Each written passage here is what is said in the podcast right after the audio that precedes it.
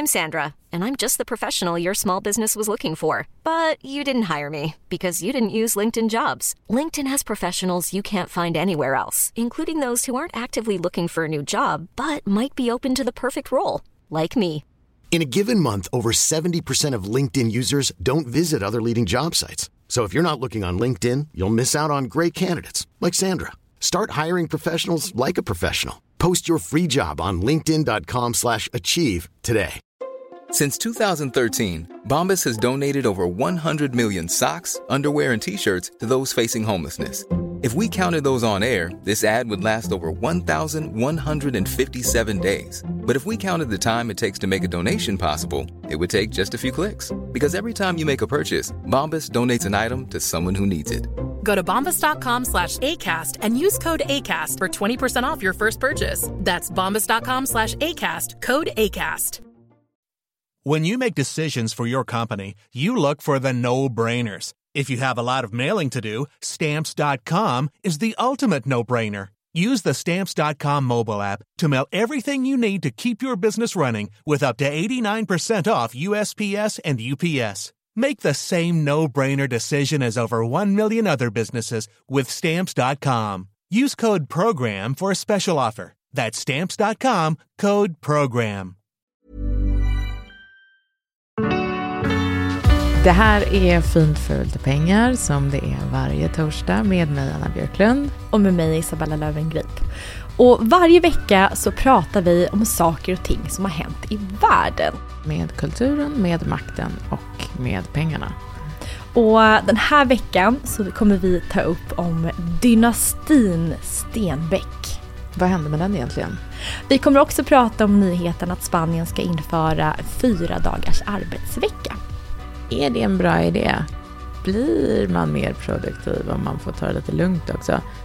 Nu kör vi. Mm.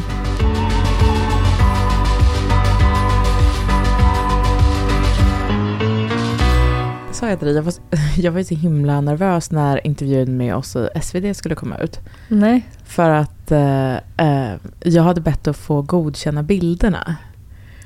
På mig också? Eh, ja, alltså li, det, det, det här är ju... ehm, det här kanske inte vad folk vet, liksom, men, men när, man, när man blir fotad av en tidning, då väljer man inte bilder själv. Nej, det var därför jag blev så förvånad när du sa det. Precis. Vad är det här för liksom... För eh, fotografen där är ju journalist. Den har ju liksom sin journalistiska heder och den får ju porträttera verkligheten som den vill. Jo tack. Ja. Grodperspektiv, Precis. zooma de in på kan någon ju finne. sätta dit den om de vill. Eh, men jag märkte att hon var jätteduktig, svenskans fotograf Stina Stjernqvist. Mm. Men det kan ju vara så eh, att en bild är fin, den har fin komposition och fina färger, men så är tyvärr man själv i den och det gör att den måste eldas upp. Och, men det, hon var lite schysst så här, för att jag bara, men jag är i åttonde månaden, så här, man kan se så himla himla konstig ut när man är i åttonde månaden. Kan, skulle jag kunna bara få, liksom, om det är någon hemsk, välja bort den i alla fall? Hon bara, ja, absolut, absolut, absolut. Och så hörde hon inte av sig sen. Och, eh, och jag, jag liksom, jag bara, um, till slut så hörde, av, hörde jag av mig till tidningen och bara, men förlåt, jag är i åttonde månaden, så här, det är lite synd om mig. Det, det, det är alltid så här, på alla bilder som finns med mig så är jag antingen gravid eller nyförlöst. Eller liksom kommer, ja, det känns som att jag är typ på väg direkt från BB och blir liksom fotad i farten. Så är det alltid. Eh, skulle jag kunna bara liksom få hennes kontaktuppgifter eller så? Eh, och de bara, eh, nej tyvärr. Stina är i Turkiet och fotar barn som släpas ut ur rasmassor. Ja, du är inte i prioritet. Nej, jag var inte det. Men det blev ganska bra, eller Ja, hur? det blev jättebra. Ja. Jag är inte så, jag är inte så, så brydd längre. Vi har massa spännande grejer att prata om idag. Det har vi verkligen. Jag tycker att vi... Ska vi börja med SVDs eh, poddserie som de släppte för typ en vecka sedan? Mm, mm. Som både du och jag har sträcklyssnat på, eller hur? Dynastin heter den. Mm. Och eh, det är en poddserie i sex delar. Eh, jag tror att den tog ett år för dem att spela in. Så det är verkligen ja, hårt arbete bakom. Och det märks, för kvaliteten på den här serien tycker jag är, är väldigt bra. Poddserien handlar då om eh, dynastin Stenbeck. Eh, det är ju då den tredje generationen som eh, driver Kinnevik idag. Mm. Och den här poddserien då så får man följa själva familjen bakom Mm. det här jättebolaget. Och det har varit väldigt mycket sorg, eh, mycket missbruk, mycket tragedi. Ja. Så det har varit, jag tyckte det var väldigt intressant. Och Och den, den förklarar ju också lite så här varför, eh, hur ett av de stora svenska familjeföretagen, Sverige är ändå liksom känt för sina eh, familjeföretag, hur ett av dem i princip slutat vara ett familjeföretag. Och det är då Kinnevik. De Mm. vill inte vara med längre. Att det, de säger i början att det är, i första avsnittet att det är som, som, som Succession fast tvärtom. Att det är inte så att arvtagarna slåss om makten utan det är så att arvtagarna eh, försöker ta sig ur känns det nästan som. Mm. Och jag tycker den förklarar det ehm, väldigt väl, eller hur? Precis. För det som har varit akt- aktuellt, och jag tror också lite att det var kanske det som var utgångspunkten för varför podden ens liksom lanseras. Och det att man, man, man har ju sett att Kristina Stenbeck, hon har ju lämnat Sverige. Och Mm. hon har också tidigare lämnat alla sina positioner i, i Kinnevik och ingen egentligen av syskonen har egentligen så mycket med att göra med bolaget längre förutom att man är liksom delägare. Men det är inga valberedningspositioner, det är inga styrelseposter längre. Vilket också får jättekonsekvenser eventuellt för Mm. Kinnevik. Och det är väl lite det som man, just som man spekulerar kring. Att var ska Ja. Kinnevik någonstans? Precis, och de, de pratar ju liksom om eh, ehm, att det är väldigt fint i eh, vad ska man säga, aktievärlden med aktiva ägare, eller hur? Mm. Eh, För att man tänker sig att eh, ehm, den, ett, ett företag eller en stor koncern har ett behov av någon slags stark ledare som inte bara är en tjänsteman som gör det för en månadslön, utan någon som är investerad på riktigt med sitt namn och sin person, eller hur? Ja, som har Ja. druckit det modersmjölken. Hur man driver det här bolaget. Ja, exakt. Precis som du säger, vi i Sverige är vi väldigt bortskämda med de här fantastiska familjebolagen. Som man då Precis. förväntar sig ska vara tacksam att köra. Ja. H&M, Kinnevik, Investor, Ikea. Ikea.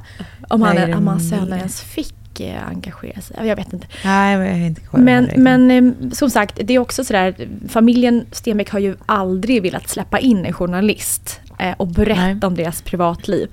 Så det är också därför som den här serien har varit väldigt spännande att följa just för att för första gången Mm. så är det något av barnen som väljer att prata. Ja, och man sitter ju i första avsnittet och undrar bara så här, va, hur, hur gick det här till? va, va, varför gick proppen ur plötsligt? Precis. Varför får vi veta det här? Ehm, Och det är en jättebra fråga. mm. För i poddserien då Dynastin så är det då Sophie Stenbeck som Mm. väljer att släppa in journalisterna och vara i hennes hus och där hon får öppna upp sig. Eh, Och jag... Hon, fund, hon funderade mycket på så här, hade min pappa och min bror som inte lever längre, hade de uppskattat att jag öppnade upp mig så här? Mm. Jag tror inte stora syster Kristina var så positiv till det här. Nej, Men, men jag, jag tror att det här var jättebra för familjens, inte rykte kanske, men, men på något sätt familjens förtroende. Eller Mm. att man ska ha förtroende för Kinnevik. Att det, det var väldigt, jag tror att det var ett bra beslut Mm. att öppna upp sig så här. Det kanske också bara är så som, eh, som det fungerar nu för tiden. Alltså att, att vara en, en sån eh, företagsledare som... Eh, jag tänkte på... på um, eh, jag såg en dokumentär om Bill Gates för, som kom på Netflix flera år sedan. Som var en, så här, eh, en, en sån Netflix special, liksom ganska påkostad skulle den vara. De hade liksom fått Bill Gates, den hette så här In his mind, eller In his brain tror jag den hette. Jag tänkte liksom, gud vad spännande, nu ska vi äntligen få reda på liksom vad Microsofts grundare, hur han fungerar, hur han har tänkt, vilka beslut han fattat, vilka misstag han gjort genom åren. Nu ska vi liksom få... eh, Sanningen bakom. Precis, som man aldrig riktigt har fått kanske. Eh, och sen var filmen typ att det var en stillbild på honom i början när han satt och läste en bok eller någonting. Och sen handlade resten av filmen om hans eh, typ bajsmaskin som han låtit bygga. Eh, Vad sa du? det, var, det var en maskin som, det handlade om eh, avföring och bakterier. För att hans villkor då, när han gick med på att göra det här med Netflix, var ju att han skulle få styra innehållet. Så han gjorde då, bestämde att hela dokumentären som hette In his brain eller någonting, att den handlade om hans välgörenhetsprojekt i Afrika där man skulle få bort bakterier ur vatten. Mm. Så det, jag kollade liksom, och, eh, timme efter timme kändes det som om hans eh, bajsmaskin. Och, och det kom, vi kom liksom aldrig till Bills brain. Utan det, eh, och det känns ju som en gamla, den gamla skolans företagsledare som, som eh, kan ha så höga murar och ehm, eh, styra innehållet om dem själva så mycket. Och idag så kan man inte göra så länge menar du? När man ser sig omkring så finns det i alla fall, om man tänker att eh, techvärldens motsvarighet nu, som också varit världens rikaste och sådär, är Elon Musk. Alltså då, då, känner man ändå att det finns en annan stämning nu som är, eh, vad ska man säga, att Elon Musk känner ju jag som en, som en jobbig släkting eller som en, ja, som en annan människa på internet. Jag vet vad han tycker om ditt och datt, om aktuella händelser. Jag vet vad, han, jag vet vad hans barn heter. Du är jag liksom vet nära han, honom. Jag är nära honom, precis. Och jag vet, jag vet liksom hans, hans bra och hans dåliga sidor. Jag vet att han är någon slags stort, smart barn, ungefär. Som, eh, som... Han har ju en, en Twitter-sitter. Ja, ja, som han hade gett sparken för att han hade fått uh, färre views va? Precis. Exakt, så den, uh. precis, det är en eh, babysitter men att han, den personen kontrollerar tweetsen. Så precis, precis som du säger, det är, det är ett barn mm. i ett jättebolag som springer runt. Ja, det är liksom känslan man har. Och så är det ju alla som, som um, äger aktier i företag där han är engagerad, har koll på honom som en, en, um, en företagsledare de kan ju också följa honom som privatperson på ganska nära håll. Eh, och eh, när man läser eh, analyser av börsbolag så, så uh, tycker jag att det här, det här är ett perspektiv som liksom inte alltid kommer med. Att vi, eh, att vi känner dem som att det påverkar, det påverkar faktiskt kursen också. Det påverkar liksom eh, eh stämning, stämningen bland aktieägarna och det påverkar eh, hur Elon Musk mår. Hur, liksom hur han verkar må idag, ja. exakt. Vad, vad har han twittrat senaste timmarna och hur, och hur går det? Men jag att tror vi... att i långa loppet så är det Ja men för där kanske man tänker sig, men gud vad, gud vad riskabelt det är att ha en, en person mm. som är ja, ett geni och galen som, som styr och kan påverka då börsen så mycket. Men jag tror att i slutändan så är just den här närheten till ledarna oavsett om de är tokiga eller just helt mm. liksom, fantastiska. Jag tror alltid att det, att det gynnar företaget i slutändan. Ja, det, det precis. För man vill heja på personen och det gör man ju när man känner någon form av relation ja. till dem. Ja, exakt. Precis, jag, jag, tror det. Alltså, han har ju gjort jättemycket för liksom, geniinramningen av eh, Tesla, eller hur? Mm. Alltså jag tror det är många svenska Tesla-ägare som känner liksom eh, det är en viss typ av män som har en Tesla som, som gillar Elons sätt att vara, tror jag. Och tycker att det är Uh, jag vet inte, att han står representerar framtiden på något sätt. Mm. Eller hur? Men jag kan raljera lite grann över honom. Uh, ganska ofta tycker jag. Ja. Uh, men sen så måste man ändå titta att den här företagsledaren har förändrat tre olika branscher. Liksom betalningssystemsbranschen, hur vi kör med bil och flygindustrin. Och, så, så att jag, han, han är ju en häftig människa. Jag måste ändå få avsluta med att han är ett geni. Sen får ja. vi se hur den, hur det genidraget barkar någonstans. och varje gång han säger någonting så här, har nu Elon sagt så att AI, det funkar egentligen så här. Eller rymden, det är egentligen si och så. Varje gång han säger någonting sånt, så även om jag eh, tänker att jag inte har så mycket respekt för honom. Tänker man så, aha. Tänker jag så, ah, Elon ändå sagt det. Jag märker så att jag har någon slags förtroende. Då är det säkert så.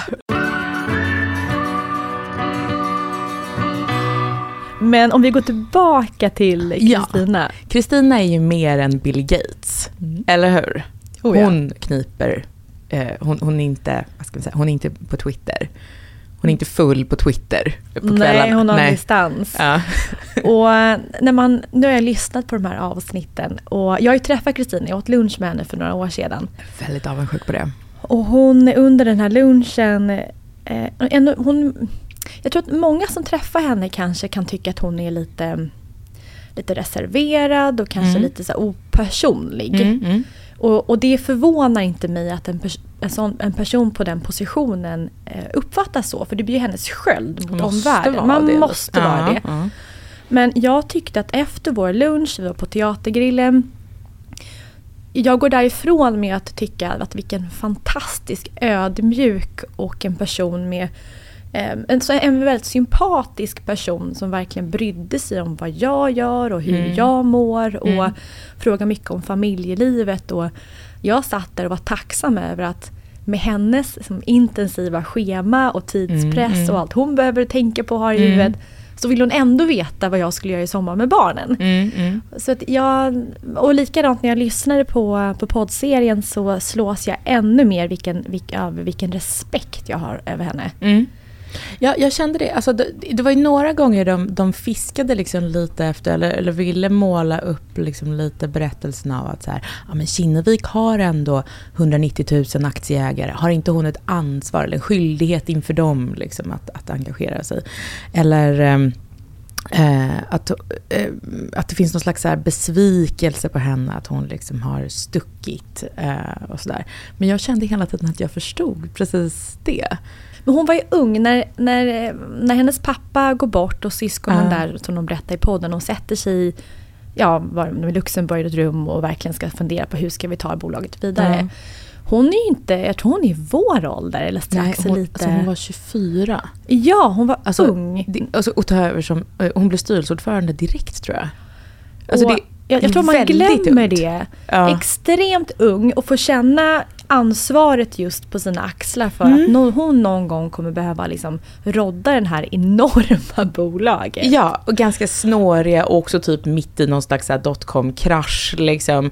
Eh, och hennes pappa hade ju, eh, dels hade han inte haft, liksom, hans bästa tid i livet var ju inte de sista åren. Men han var ju heller inte, alltså det var ingen som väntade sig att han skulle dö heller. Så att, eh, liksom, alla var helt oförberedda och hon fick liksom städa upp i princip efter Ja, egentligen blir det då efter sin pappas jobbiga skilsmässa, efter sin pappas liksom, ehm, beslut som ingen visste riktigt. Alltså ingen annan i hela koncernen visste eh, hur, eh, vad tanken var med, med, med liksom uppbyggnaden. Alltså det var så snårigt och så... Eh, Allt var kretsat kring honom. Exakt. Ja. Vilket är livsfarligt. Men det som jag fascineras över att när, när Kristina eh, Stenbeck kommer in och sätter sig på tronen.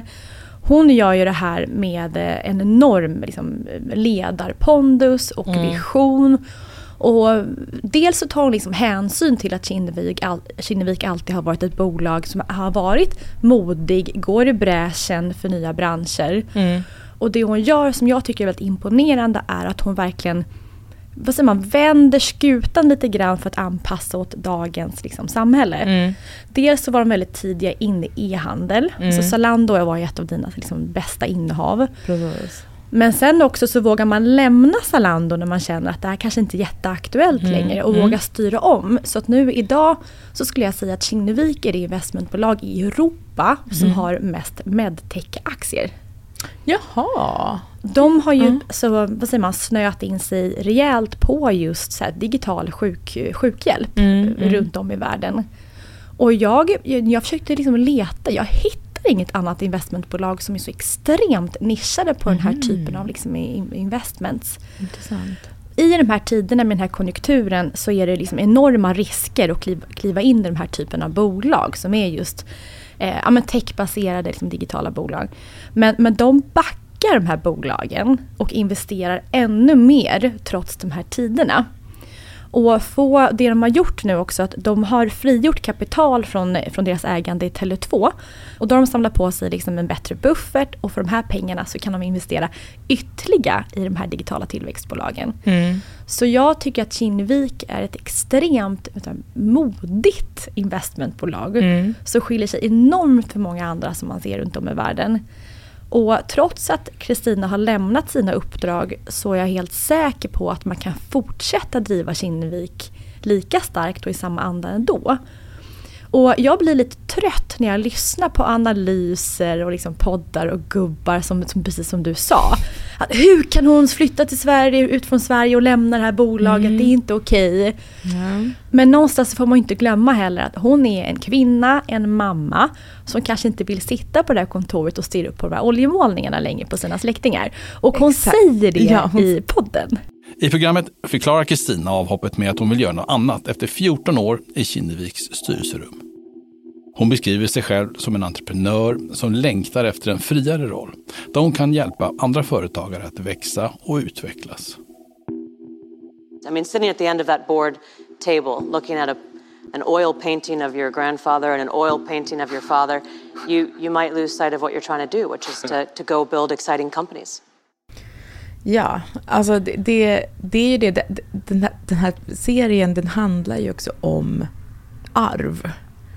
Och jag tänkte, alltså jag lyssnade på den här när jag gick runt och ehm, eh, flyttpackade ihop min lägenhet och liksom gick igenom hela mitt liv. Och märkte en sak som var, alltså du vet man håller upp varenda liten papperslapp som man har haft i något skåp liksom och tittar på den och, eh, och, och, och märkte då att det som hade med eh, kanske mer med gamla släktingar att göra, eller någon typ av arv, kanske någon slags känslomässigt arv, att det, det betydde inte alls lika mycket som när jag var yngre. Att eh, det som då var min identitet, liksom så mycket men, min, Eh, vart jag kom ifrån. Och, och nu eh, att jag var barn till de här människorna, att jag var men, som någon sånt naturfolk liksom, som tillber sina förfäder. Alltså, eh, så, så tänkte jag mycket mer när jag var yngre. Medan nu när jag själv är förälder så är det som är min identitet. Att jag märkte så att någon liten papperslapp där min dotter skrivit någonting eh, var mycket liksom, mer relevant för mitt liv än någonting som hade med jag vet inte, de som bara råkat ge mig mitt efternamn att göra. Och att det är en så naturlig förändring. Liksom. Att, att det är det som är den sanna flytten av du vet, vem som är familjeöverhuvud. Ja, det är ju den som har barn just nu. Det är den som formar nästa generation. Så att hon, och det, det kändes som att det fanns en så här vrede från generationen över henne som fortfarande vill att hon ska vara barnet, som fortfarande vill att hon ska, eh, att allting ska handla om hennes pappa på något vis. Men, men det har ju flyttats. Det, det, och så måste det vara tror jag. Ja, och den, den trenden ser vi överallt. Det är så här, kungafamiljs barn som inte vill vara en del i världen längre. Att man är trött på att ens liksom, liv är utstakat. Ja. Precis. Så absolut, Nej, men jag, och jag tror att det Kinnevik måste göra nu, det är att både Kinnevik och deras nya VD och Kristina, det verkar vara ganska mycket sån här oklart, gråzon kring vad Kristina och Kinneviks relation ska vara, vad syskonskaran ska ha för relation till Kinnevik. Och det skapar en osäkerhet. Så hade jag då som aktieägare också vilket jag är. Och där hade jag velat se och höra från Kinnevik och säga så här att okej, okay, syskonen är inte aktiva längre eh, på någon sån post. Men vi har den här visionen, det här är vår plan.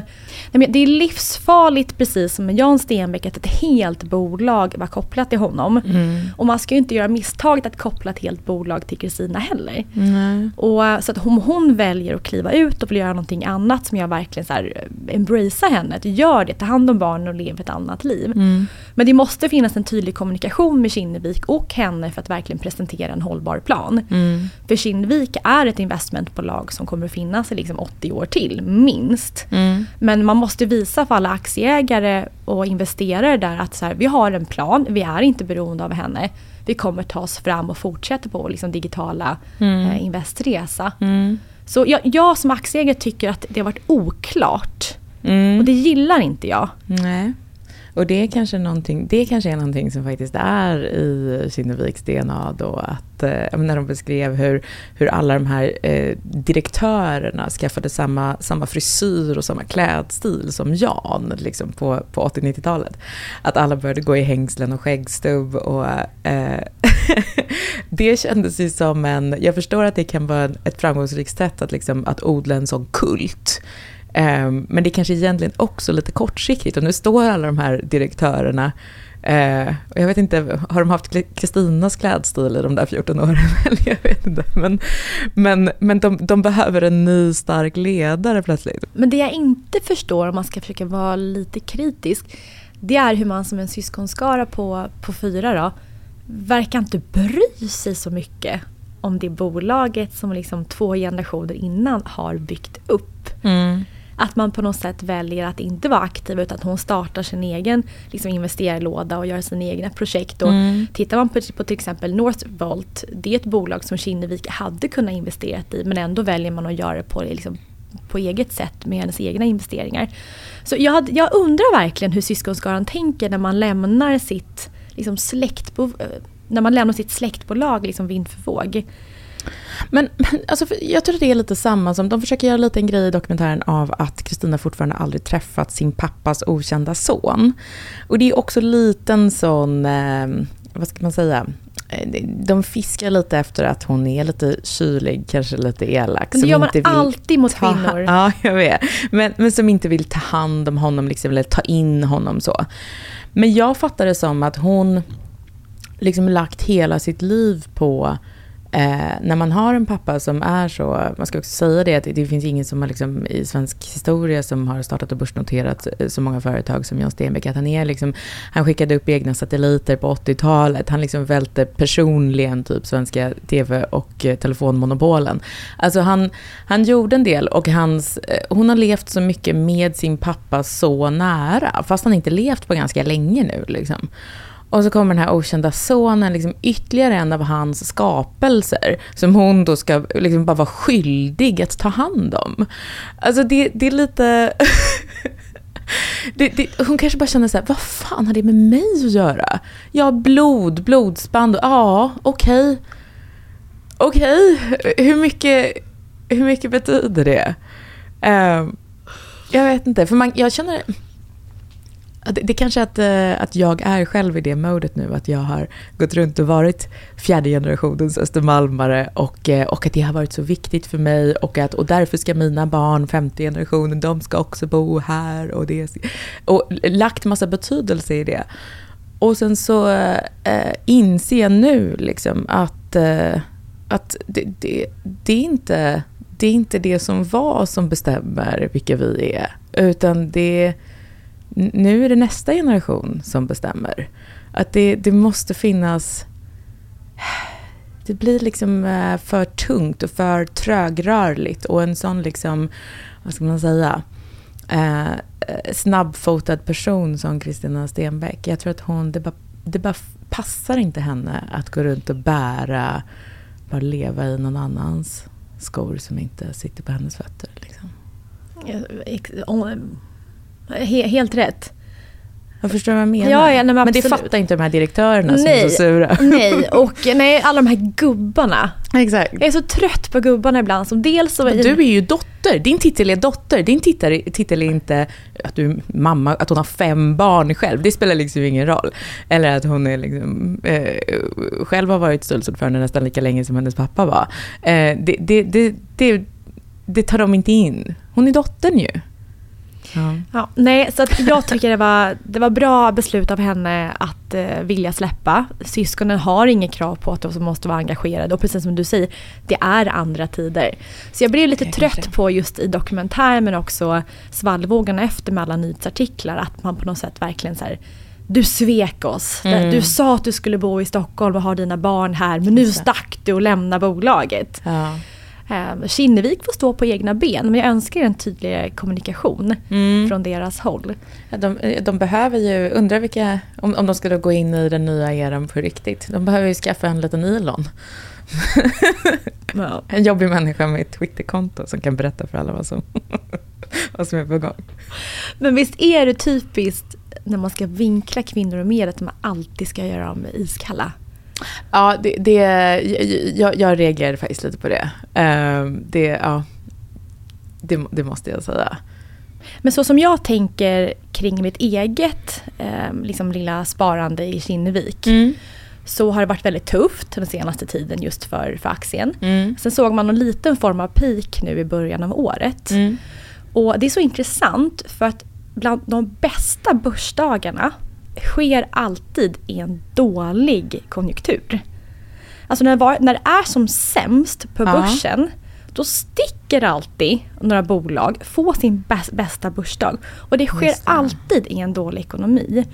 Hmm. Så jag, jag tror att, det är, att det kommer vara tufft för den här typen av investmentbolag ganska länge. Mm. Men jag har en tro på eh, i långa loppet att den här typen av liksom, digitala investeringar som mycket till exempel med medtech och mer eh, hållbarhet och att det kommer på lång sikt eh, flyga. Mm. Så eh, jag kan absolut tänka mig att köpa på mig lite mer och ligga långsiktigt på den här typen av bolag.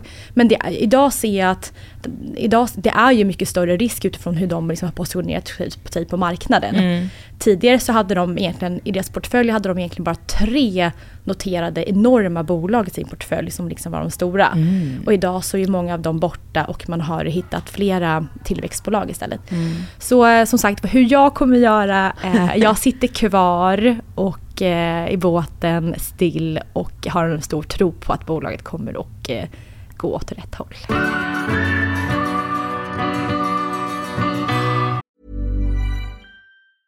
I'm Sandra, and I'm just the professional your small business was looking for. But you didn't hire me because you didn't use LinkedIn jobs. LinkedIn has professionals you can't find anywhere else, including those who aren't actively looking for a new job but might be open to the perfect role, like me. In a given month, over 70% of LinkedIn users don't visit other leading job sites. So if you're not looking on LinkedIn, you'll miss out on great candidates like Sandra. Start hiring professionals like a professional. Post your free job on linkedin.com/achieve today. Hey Dave, Yeah, Randy. since we founded Bombus, we've always said our socks, underwear, and t-shirts are super soft. Any new ideas? Maybe sublimely soft. Or disgustingly cozy? Wait, what? I got it. Bombus. Absurdly comfortable essentials for yourself And for those facing homelessness. because one purchased equals one donated. Wow, did we just write an ad? Yes. Bombas. Big comfort for everyone. Go to bombas.com slash ACAST and use code ACAST for 20% off your first purchase. När jag var yngre, då trodde jag att eh, det som eh, behövdes för att liksom lyckas med någonting var att vara smart. Känner du igen det här? Ja. Ja.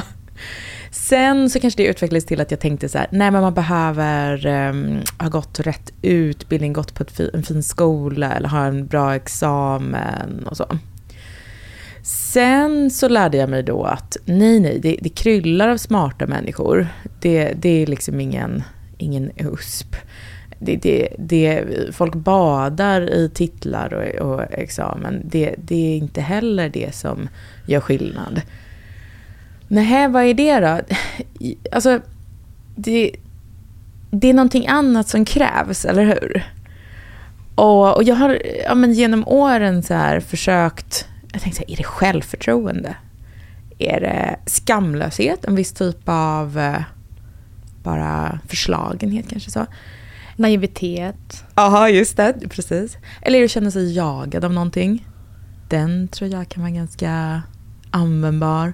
Egentligen så är det väl en kombination av alla de här sakerna. Men, men det jag ändå kommit fram till, alltså som, är, eh, som jag tror är den viktigaste faktorn i framgång, eller vad ska man säga, att, att åstadkomma någonting med sitt liv. Jag tror att det är mycket, mycket enklare än alla de här sakerna. Och eh, det är att göra saker. Eller hur? Ja, det kommer inte som en chock. Nej. Nej, det, det låter enkelt. Men det här är min samlade livsvisdom, du får inte skratta åt den. Nej men att, eh, att den stora utmaningen är kanske produktivitet. Eller hur? Precis. Och, och att det här är liksom ett, ett problem som inte riktigt är löst. Och det känns som att det, folk håller på med det på olika sätt. Mer och mer, kanske eh, extra mycket under när folk skulle behöva lära sig att jobba hemifrån under pandemin. Då var det en sån så här, hur är man produktiv om man inte är någon som stirrar på en och tvingar en?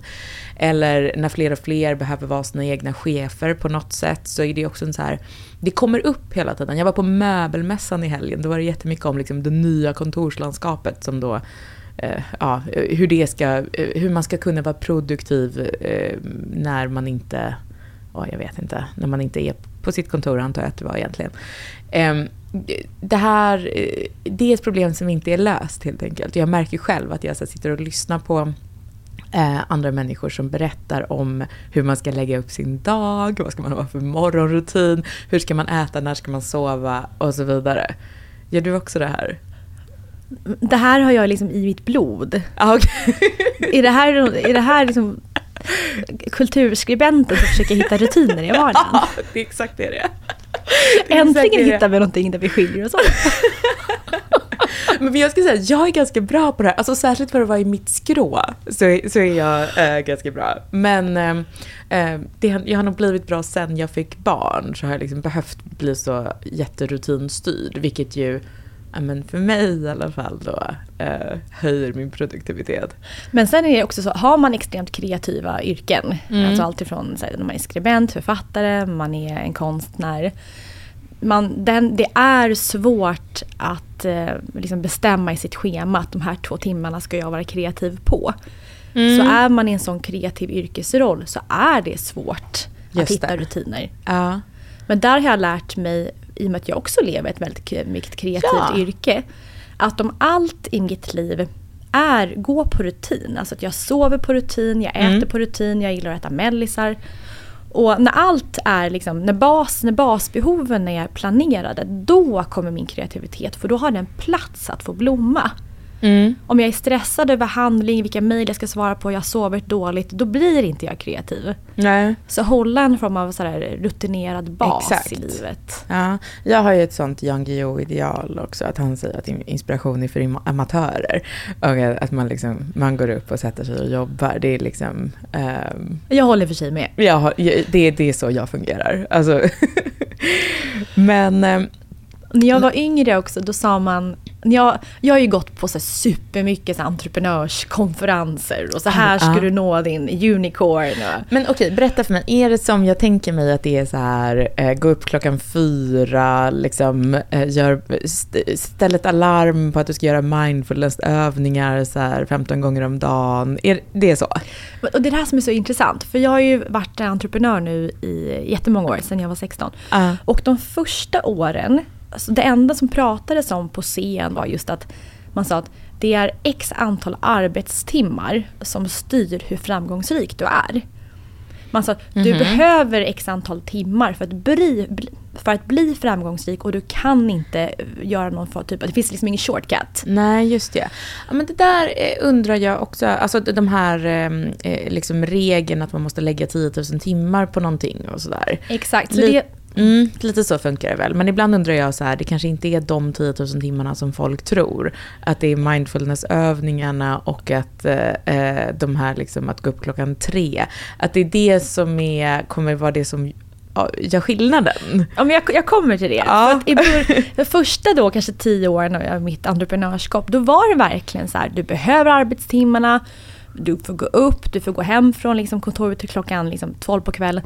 Det fanns en romantisering av att man tog upp sushin på kontoret, du sitter med ett glas mm. vin och liksom fortsätter för jäklar vad du sliter. Ja. Det fanns någon form av att det var lite fint att det har hamnat på sjukhus med magsår. Så här, jag har haft två magsår i livet, hur många magsår har du haft? Men sen kommer man där till någon form av brytpunkt där man inser att nej, men det här var inte så hälsosamt längre, vi nej. måste sluta. Ja. Och, och jag tror att det, det skiftet kommer när de här 60-åringarna alltså VDsarna som äter liksom biff Rydberg och massa bearnaisesås varje dag. Mm. När de inte lever klar, kvar för att de har fått hjärtinfarkt. Mm. Då kommer en ny typ av entreprenörsledare. Och den ledaren förstår att vi kan inte leva, att vi jobbar så 18 timmar per dag och lever med den här maten. Så Nej. det som kommer då är en hälsosam våg. Och idag, det. det. finns ingen enorm företagsledare idag som inte går upp fem på morgonen, springer en mil, äter sina gröna smoothiesar. Och det, vi är där idag. Uh, uh. Du kan stå på vilken, så här, lyssna på Tony Robbins och alla de här gurusarna. Så alla uh. säger att du måste gå upp tidigt, du ska se soluppgången och du ska bada iskallt. Men det här är ju också en fas. Det är också en liksom entreprenörsfas. Ja alltså även i eh, typ politiska diskussioner och så där så finns det ju eh, trender kring produktivitet som är kanske att vilja ha kanske medborgarlön, kanske eh, sänka antalet arbetsdagar per vecka, att, att liksom ovanifrån tvinga på folk ett, ett större lugn egentligen. Att man ska inte behöva vara stressad över sin försörjning för att lite, man tänker sig att det finns en, en så här visdom som är mätta katter jagar bättre. Att, att, vara liksom, att ha panik eh, och liksom jaga sig själv på det sättet egentligen inte höjer någon produktivitet. Och det är lite det du menar, eller hur? Precis. Att eh, det kanske inte är eh, det kanske fortfarande är 10 000 timmar, men de timmarna, man kanske har ett visst antal sådana timmar per dag. Det spelar ingen roll om du sitter på kontoret 100 timmar eh, i veckan. Eh, det kanske ändå är fyra timmar om dagen som är effektiva. Så, så tänker jag. Ja, precis. Och det var därför man ser en av de här bäst sålda böckerna för massa år sedan. Det var den här Four hour work week. Hur Just man ska liksom, svara på mejl, jag kommer inte ihåg om det var var tredje, fjärde, fjärde timma. Och man försöker, nu försöker man ju skapa verkligen färre timmar och högre produktivitet. Mm. Och det är också då lite grann som vi kommer till den här nyheten som vi vill prata om. Ja. Vi glömde nämna den i början. Men själva nyheten är då att i Spanien då så vill man, eller har, har man också på många ställen infört att det ska vara fyra dagars arbetsvecka istället för fem. Det är en ganska stor skillnad egentligen ju. Alltså procentuellt liksom. Och alla är jätteglada. Och då är ju frågan, är de glada för att de får behålla lönen och jobba mindre? Någonting folk generellt brukar gilla. Eller är det faktiskt så att mätta katter jagar bättre? Mm. Um, jag fick, eh, när jag såg det här att, eh, att man börjar gå mer mot en trend att det är, kanske är fyra dagar eller fem dagar. Eh, när jag, pra, när jag när jag tänkt mycket på den här trenden så blir min gubbarbetsgivarroll irriterad. För jag ser inte kopplingen med att gå hem tidigare eller vara ledig på måndag och bli mer produktiv. Jag har aldrig sett den i liksom min... Och då har jag haft många anställda i livet. Men å andra sidan så har vi ändå en naturlig trend där vi jobbar färre timmar. Mm. Alltså tittar man på till exempel slutet av 1800-talet i USA där jobbade man kanske liksom 100 timmar i veckan. Och i liksom mitten av 1900-talet då kommer vi över just på 40 timmar i veckan. Mm. Och nu så blir det naturliga steget kanske 8 timmar i veckan. Mm. Så att det finns en, liksom en naturlig eh, diskussion kring att vi minskar på arbetstimmar. Som jag ser det så är det ju också lite så här, alltså man kollar på jägare och samlare. De hade väl liksom, alltså många timmar varje dag när de bara liksom hänger runt. Alltså som, som djur gör, typ. Alltså när man så här, klockar vad, vad en, en ren gör med sin dag. Så är det liksom att den står och tuggar liksom tio timmar och sen så bara står den, alltså är med sina kompisar i en flock. Liksom, att det är någon slags naturligt tillstånd. Och att alla de här liksom, påhitten som man haft under eh, den moderna eran, att, de, att vi äntligen börjar komma ifrån dem. Så, så tänker jag på det lite grann.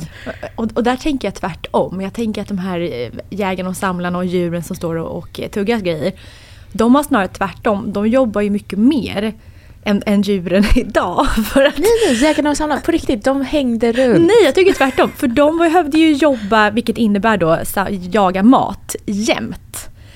Medan idag så kan vi beställa... Små punktinsatser. nej, och idag så kan vi beställa från Foodora, så vi behöver inte tänka på att samla mat. Så att livet blir ju lättare och lättare, så att vi kan ju slappna av mer, mer än vad vi kunde tidigare. Så det jag har landat i då, som arbetsgivare, mm.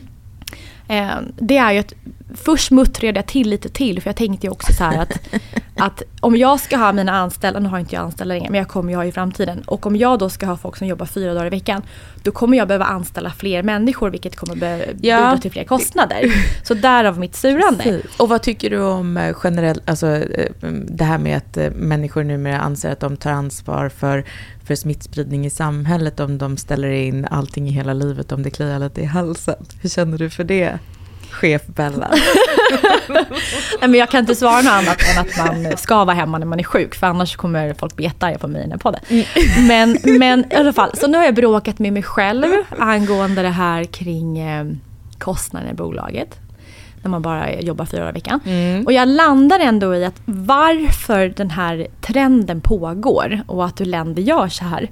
Det är ju för att man ser att tekniken på, alltså snabba på människors yrken. Att man behöver inte lägga mycket tid på att genomföra det man behöver göra på arbetsplatsen Nej. för att nå dit.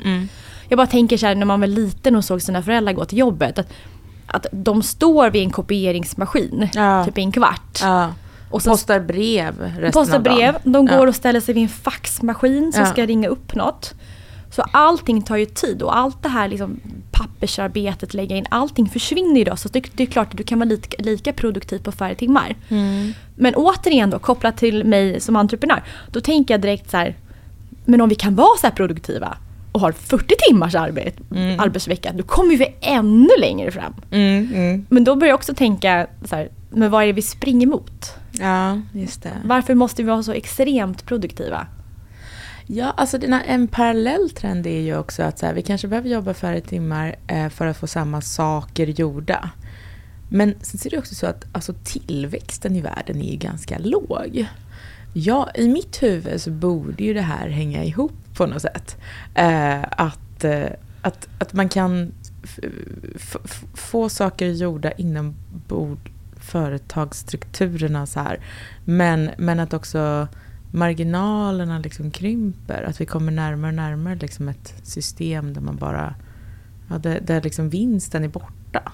Men alla har det helt okej. Jag vet inte. Jag skulle säga tvärtom. Jag skulle säga tvärtom. Okej, men det var inte det jag skulle säga egentligen. Det var ett sidospår. Jag tänker i alla fall på Kim Kardashian, som jag ofta gör.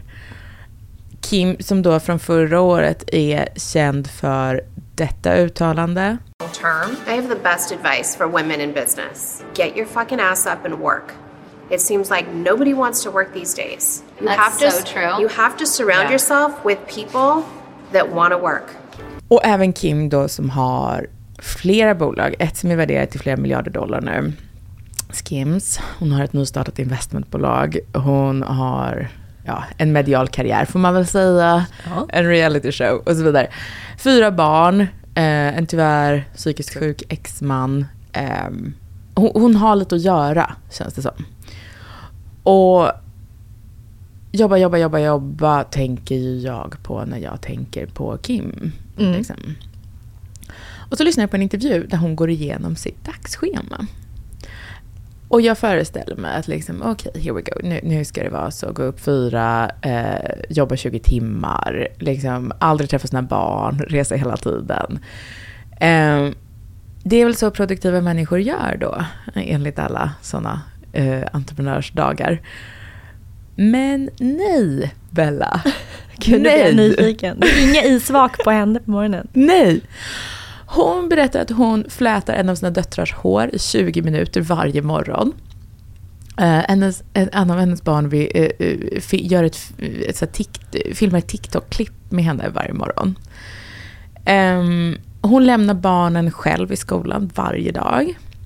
Ehm, hon hinner inte hämta alla alltid. Men däremot så säger hon att hon alltid är med på allas aktiviteter. Fattar inte jag hur det går till. De äter alltid middag ihop på kvällen. Alltid. I do drop off every single morning. I pick up as much as I can, but I'm always at the activities. So even if I don't pick up, then it's like, okay, I'll meet you at soccer, I'll meet at basketball, ballet, gymnastics. And you have like four, that. so you're going in all different directions. And always time. home for dinner. Do you all eat together? Mhm. We do too. Mhm. Family dinners, my Totally. favorite. time. Så när folk säger så här, hur Anna ska du, eh, hur ska du hinna göra podden när du, när du får ett fjärde barn? Jag tänker så här, alltså, det kommer nog lösa sig. Eller hur? Men jag blir så ledsen när jag hör henne säga det där. För att jag, ska jag gissa så är Ja. inte hennes verklighet sådär. Det ser inte tror hon ut ljuger? så. Jag tror hon ljuger. Ja. Men, men då har vi det här berömda mom shame. Just det. Så hon måste som sin liksom, mediala eh, varumärke visa på att hon är en närvarande mamma. Mm. För om hon är så pass rik, driver sina miljardbolag och inte är en närvarande mamma. Mm.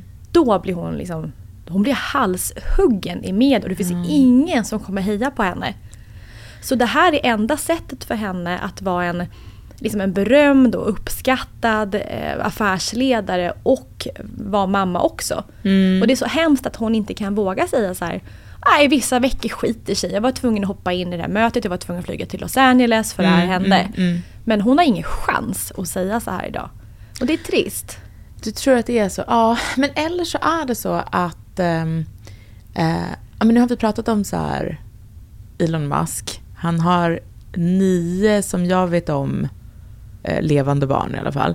Vi har pratat om Kristina Stenbeck, fem barn. Vi har pratat om eh, Kim Kardashian som har fyra barn. Vi har pratat om... Alltså det, det finns ändå ett mönster. Hon kanske, hon kanske också förstår eh, att... Eh, eller det kanske är så att det är ett framgångsrecept att bygga en dynasti. Jan Stenbeck, också fem barn. Alltså det, det verkar ju snarare vara så att de sakerna går ihop än att de går isär. Att det inte är så att, att man måste liksom, eh, fullständigt prioritera det ena, utan att det verkar vara en viss typ av personer bara. Återigen, det här är jag som intalar mig som är åttonde månaden av mitt fjärde barn.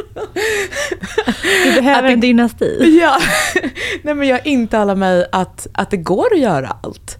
Att det kanske är det som är, att det inte är just eh, eh, de hundra timmarna utan att det går att, eh, att det är densiteten på timmarna. Tror inte det kan vara så att på många ställen i världen så skaffar man barn för att många såklart då ska överleva och kunna ta hand om, om sig själv. Men nu skaffar man så många barn för att man vill säkerställa att någon tar över släktens imperium. Jag tror att många som lyssnar kan känna att det kan vara svårt att vara produktiv. Och nu när vi har kommit fram till att det är lösningen till framgång Mm. så tänker jag att jag ska ge ett litet tips. Och det här är ett tips för de som verkligen har svårt att vara produktiv, att verkligen så komma steget fram. Ja. Och då finns det en te- teknik som heter pomodoro. Ja. Så den här pomodoro-tekniken innebär att man ska jobba hårt och effektivt i Ja. 25 minuter. ja. Och sen tar man en paus på 5 minuter. Måste man ta en paus? Ja, det är det Okej, som är tekniken. och, och det har man ju sett allt ifrån så här intervallträning, att just det Mm. här skynda, skynda, skynda, kort paus, skynda, skynda, skynda, Att kort kroppen paus. funkar lite så liksom. Ja, att Mm. hjärnan får liksom syre, att man går upp, tar en kaffe, knatar runt lite grann. Mm, mm. Och, så att jag skulle säga att för en person som är lite rörig så, här, så kan man ställa liksom klockan, äggklockan förr eller tiden som Ja, tickar. ja. Och när den ringer så är det en paus. Så jag hade verkligen testat Pomodoro 25 minuter, 5 minuters paus. Ja. Och sen för andra till exempel, jag kan tänka mig för dig och mig, eh, då stör det själva flowet. Mm, Men det kan vara ett exakt. bra sätt att testa om man liksom inte är bra överhuvudtaget. Ja. Ska jag berätta mitt tips? Eller Mm. min, eh, också eh, hur jag lurar mig själv. det är att, för jag, jag brukar jobba bäst på förmiddagar och morgnar. Eh, mitt bästa är att gå upp tidigt. Det håller jag faktiskt med alla. Eh, jag går inte på fyra, men gå upp ganska tidigt. Eh, och sen eh, inte liksom börja äta, duscha, göra sig i ordning. Utan mitt bästa är att gå upp på morgonen och sen sitta typ i pyjamas, jobba som ett svin. Eh, och bara dricka kaffe. Och sen så vid elva har ju fått svin mycket gjort och då, liksom, då ta en dusch och då känna sig liksom nästan klar.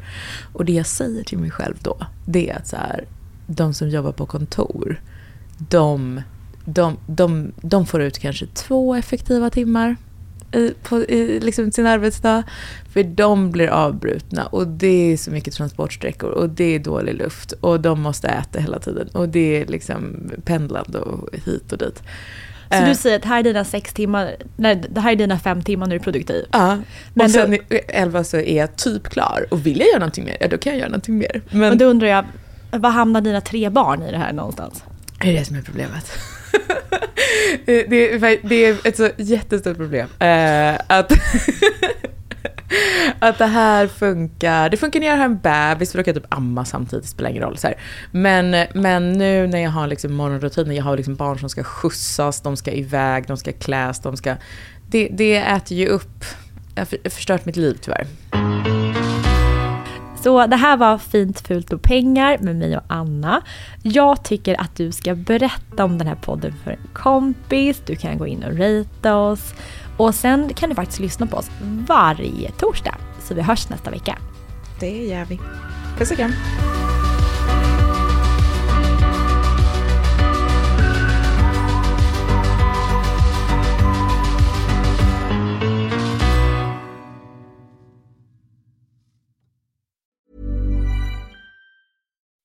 When you make decisions for your company, you look for the no-brainers. If you have a lot of mailing to do, stamps.com is the ultimate no brainer. Use the stamps.com mobile app to mail everything you need to keep your business running with up to 89% off USPS and UPS. Make the same no brainer decision as over 1 million other businesses with stamps.com. Use code PROGRAM for a special offer. That's stamps.com code PROGRAM.